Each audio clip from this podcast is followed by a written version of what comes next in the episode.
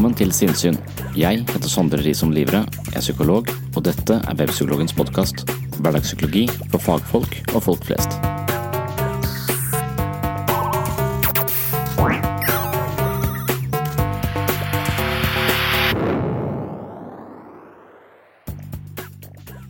Dette blir det fjerde vorspielet hvor jeg serverer shots av sinnssyn. Tanken er at dette fungerer som en rask oppsummering og repetisjon for dere som er faste lyttere av sinnssyn, mens det fungerer som en introduksjon til tematikken på denne podkasten for nye lyttere. Lydfilene er henta fra mine stunts i sosiale medier, hvor jeg forsøker å lage korte videoer som dramatiserer det jeg anser som de viktigste poengene fra psykologifaget og denne podkasten.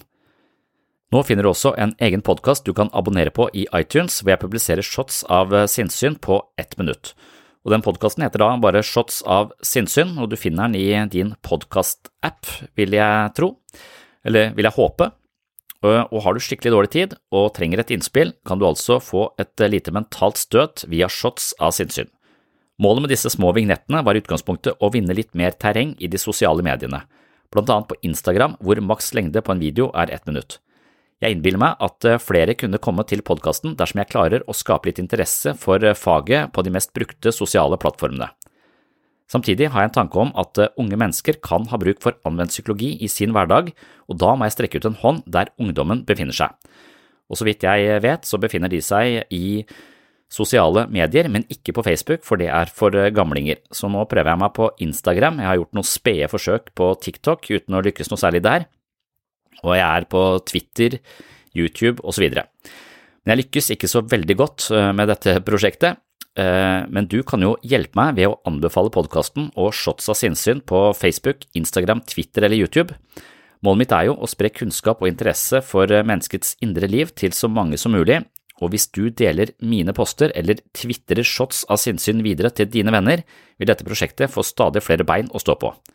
Tusen takk for at du følger podkasten, og takk for eh, eventuelt hjelp med å gjøre folk oppmerksomme på min økende tilstedeværelse i sosiale medier. Her skal du få elleve shots av eh, sinnssyn som du kan tenke på utover dagen. Jeg nevner også hvilke episoder jeg oppsummerer, slik at du eventuelt kan gå tilbake til podkasten for å fordype deg i tematikken hvis du får en slik impuls. Takk for følget, og her kommer altså elleve shots av eh, sinnssyn korte, raske oppsummeringer av de lengre episodene som du finner på selve Sinnssyn-podkasten, mens eh, her vil jeg konsentrere meg om de viktigste poengene og rope de inn i øret ditt på ca. ett minutt, og da har jeg det litt travelt, så dette går fort. Når du forsøker å kontrollere det som er utenfor din kontroll, vil du føle deg som en fiasko. Når du ikke tar kontroll på det du kan påvirke, blir du hjelpeløs. Begge deler fører til angst. Angst er et finurlig fenomen som det er mulig å forstå eller misforstå på utallige måter. Hva er forskjellen på angst og bekymring? Hva vet vi om angst? Hvilke typer angst er vanlig? Hvordan påvirker økonomi, psykisk helse og angstplager? Hvordan bekjemper vi egentlig angst? Angst kommer i mange fasonger, det er et signal som skal fortelle oss noe, men hva? Når vi opplever angst, forsøker vi gjerne å unngå ubehaget eller erklære krig mot oss selv. Det er en dårlig strategi.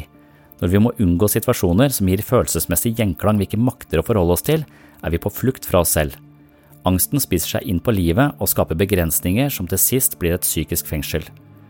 Angst takler vi best dersom vi aksepterer frykten, henter oss inn og betrakter vår egen reaksjon med en form for nysgjerrighet. Her kan vi lære noe om oss selv. På podkasten Sinnsyn har jeg mange episoder om håndtering og forståelse av angst.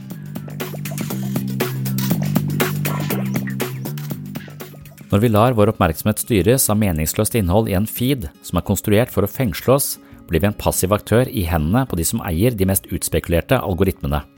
Jeg har aldri tenkt at jeg har symptomer i retning av oppmerksomhetssvikt, snarere tvert imot. Jeg har alltid tenkt at jeg er god til å konsentrere meg over lengre tid og fordype meg i ulike temaer. Nå for tiden opplever jeg at disse evnene blekner. Jeg tror det er fordi jeg mangler trening.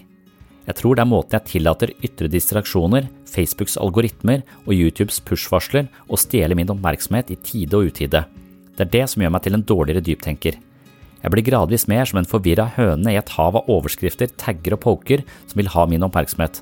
Jeg mister fokus, og nettopp dette fokuset tror jeg er helt avgjørende for min psykiske helse. Selv opptrer jeg også i disse sosiale kanalene på speed. Men jeg håper at du som hører dette, tar deg tid til å tenke litt ekstra før du scroller videre, eller klikker deg inn på sinnssyn i et litt lengre podkastformat og hører alt jeg tenker om hjernen og psyken i møte med sosiale medier.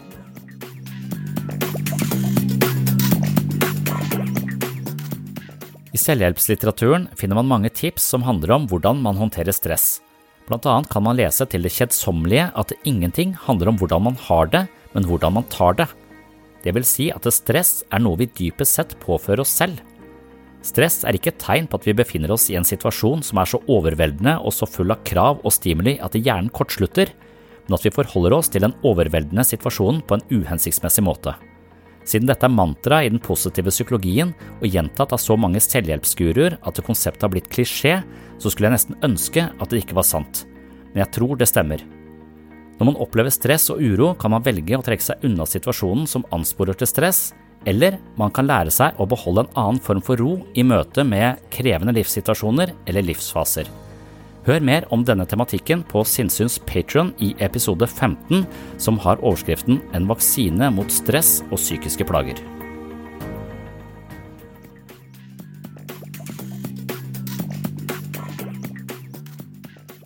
Et menneske står alltid i en kontekst, og dersom denne konteksten er full av sykdommer og mangler, vil det påvirke individet. Et godt miljø kan gjøre syke mennesker friske, mens et dårlig miljø kan gjøre friske mennesker syke. Er jeg eller verden gal? Jeg snakket med leder i Mental Helse, Erlend Waade, og kulturredaktør i Fedrelandsvennen, Karen Kristine Blågestad, om psykisk helse i vår tid. Vi hadde mange spørsmål på agendaen. Har psykiske plager blitt vår tids epidemier? Er det vi som ikke tåler livets utfordringer lenger? Er samfunnet blitt sykt? Har vi mistet selve meningen når vi er overlatt til å finne vår egen mening? Fungerer hjelpeapparatet som det skal? Trenger vi flere eksperter, eller har vi for mange? Denne kvelden ble det sagt ting på scenen som vekket folks harme. I etterkant var det mange sårede mennesker som følte seg angrepet av kulturredaktøren og meg selv. Vil du vite om det er du eller verden som er gal, og hva vi snakket om som var så sårbart for noen, kan du høre hele samtalen i episode 116 på min podkast Sinnsyn.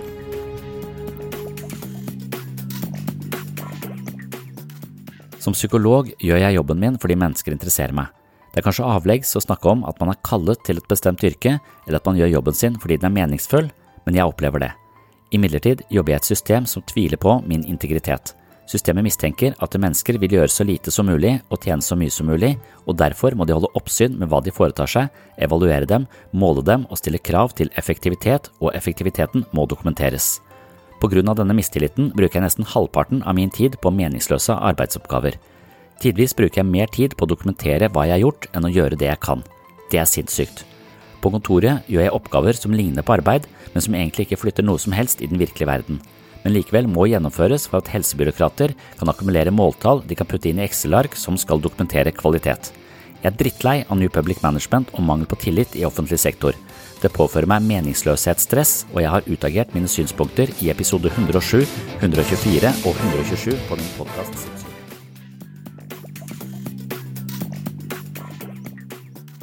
Negative følelser er bra.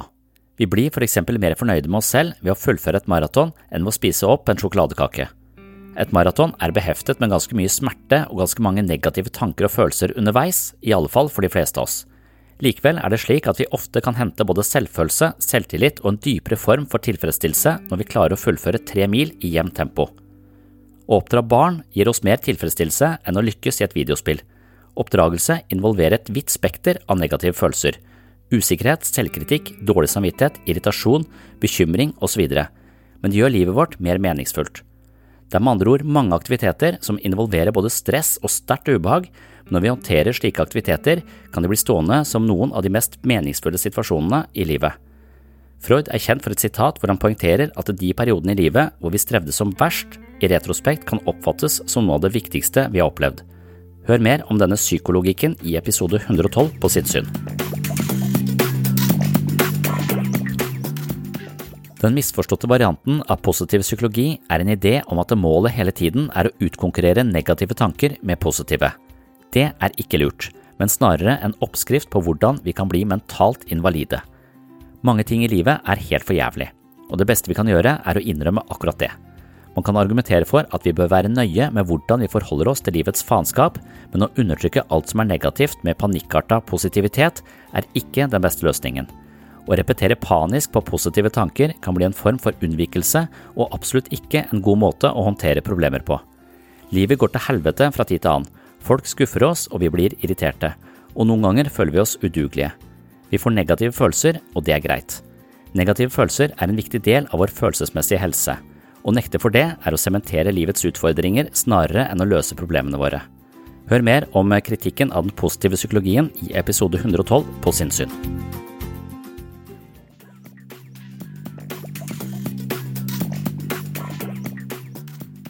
Dr. Phil sier blant annet at vinnere gjør det tapere ikke tør. Han er direkte, brutalt ærlig, og han har en helt klar terapeutisk filosofi. Hva slags psykologi formidler egentlig denne TV-kjendisen? Dr. Phil er en slags popstjernepsykiater som gjør sine terapeutiske gjerninger i beste sendtid. Jeg har lest hans mest solgte selvhjelpsbok, som heter Life Strategies, for å se hva denne mannen står for. Dr. Phil tilhører åpenbart den kognitive skolen innenfor psykologi og psykoterapi.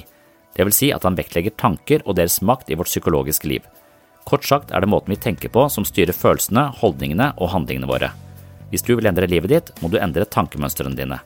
Han har også røtter i atferdsterapien, som hevder at de som vil forandre livet, må handle annerledes. Det var Einstein som påsto at toppen av idioti er å gjøre det samme gang på gang og forvente et nytt resultat.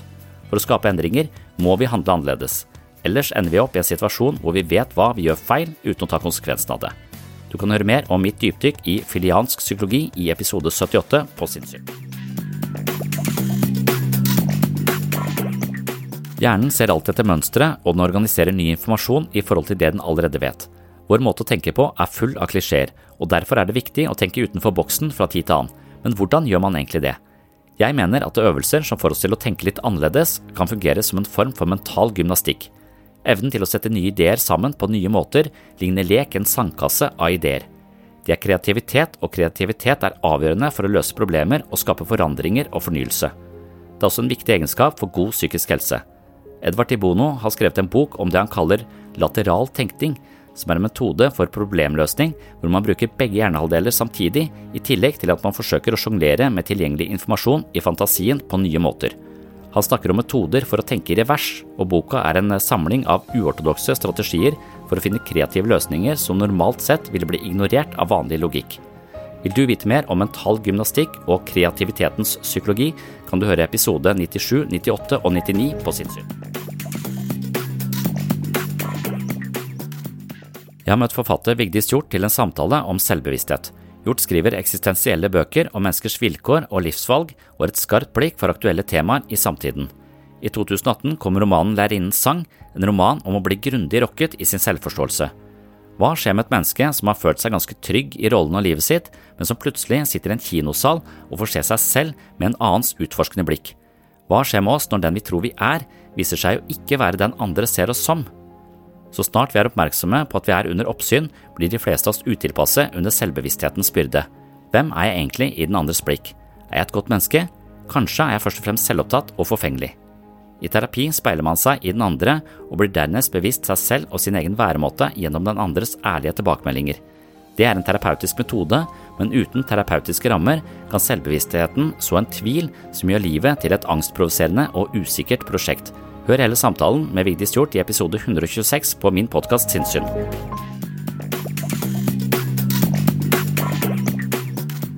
I min bok om selvfølelse foreslår jeg at vi utvikler god selvfølelse dersom vi lever i tråd med fornuft og våre egne prinsipper, og ikke lar oss styre av tilfeldige følelser eller gamle vaner. Tenkning er selve adelsmerket på mennesket, og evnen til å tenke rasjonelt er noe mennesker må velge å gjøre. Vi kan velge å ikke tenke rasjonelt, noe mange av oss gjør hele tiden, men prisen vi betaler for ubevissthet kan være stor.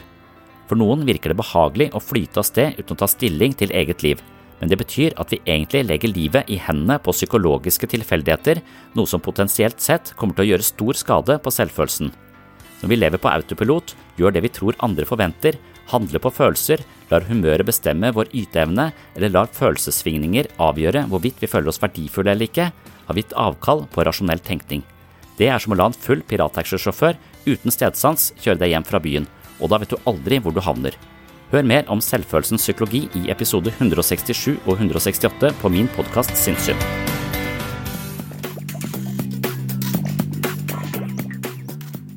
Det var uh, shots av uh, sinnssyn del fire. Tusen takk for følget. Takk for at du hører på sinnssyn. Og takk til alle dere som nå bidrar til at jeg får litt mer fotfeste i sosiale medier. Det vil si at jeg forsøker med disse shots av sinnssyn å ta litt plass i sosiale medier, sånn at folk eventuelt kan oppdage podkasten og komme til de litt lengre episodene. Da forsøker jeg jo med disse korte vignettene å skape litt interesse rundt eh, tematikken jeg snakker om på eh, sinnssyn. Og da håper jeg jo på å få noen flere følgere i disse sosiale kanalene, kanskje spesielt på Instagram. Så hvis du har en Instagram-konto, så setter jeg pris på om du følger meg på Instagram, og så følger meg på Facebook og eventuelt på YouTube, Twitter, også på LinkedIn. Jeg prøvde meg litt på TikTok, men det går ikke så veldig bra. Synes det er litt vanskelig å huske på den eh, sosiale kanalen der sånn. Og dessuten så har jeg sånn typ 15 følgere, så det føles litt eh, meningsløst. Men eh, hvis du altså er på disse sosiale plattformene, så hadde jeg satt stor pris på om du fulgte med på sinnssyn, og eventuelt delte det jeg deler der, sånn at det kommer litt eh, bredere ut til folk. For målet mitt er jo å spre kunnskap om psykisk helse til så mange som mulig, og gjerne da få de over i et litt lengre format, som er podkastformatet, som er der jeg trives best. Det var det jeg hadde for eh, denne gang. Vil du ha mer sinnssyn, eh, så kan du jo bli abonnent på mitt mentale treningsstudio. Det er for de som finner verdi her på podkasten og ønsker å støtte prosjektet med et lite beløp i måneden. Som takk for støtten så får du da et abonnement på mitt mentale treningsstudio, hvor det er mye mer sinnssyn hver måned. Masse episoder som ikke ligger ute på den åpne podkasten, som du kan eh, fordype deg i. Ja, det var det for eh, denne gang. Tusen takk for følget, og på gjenhør.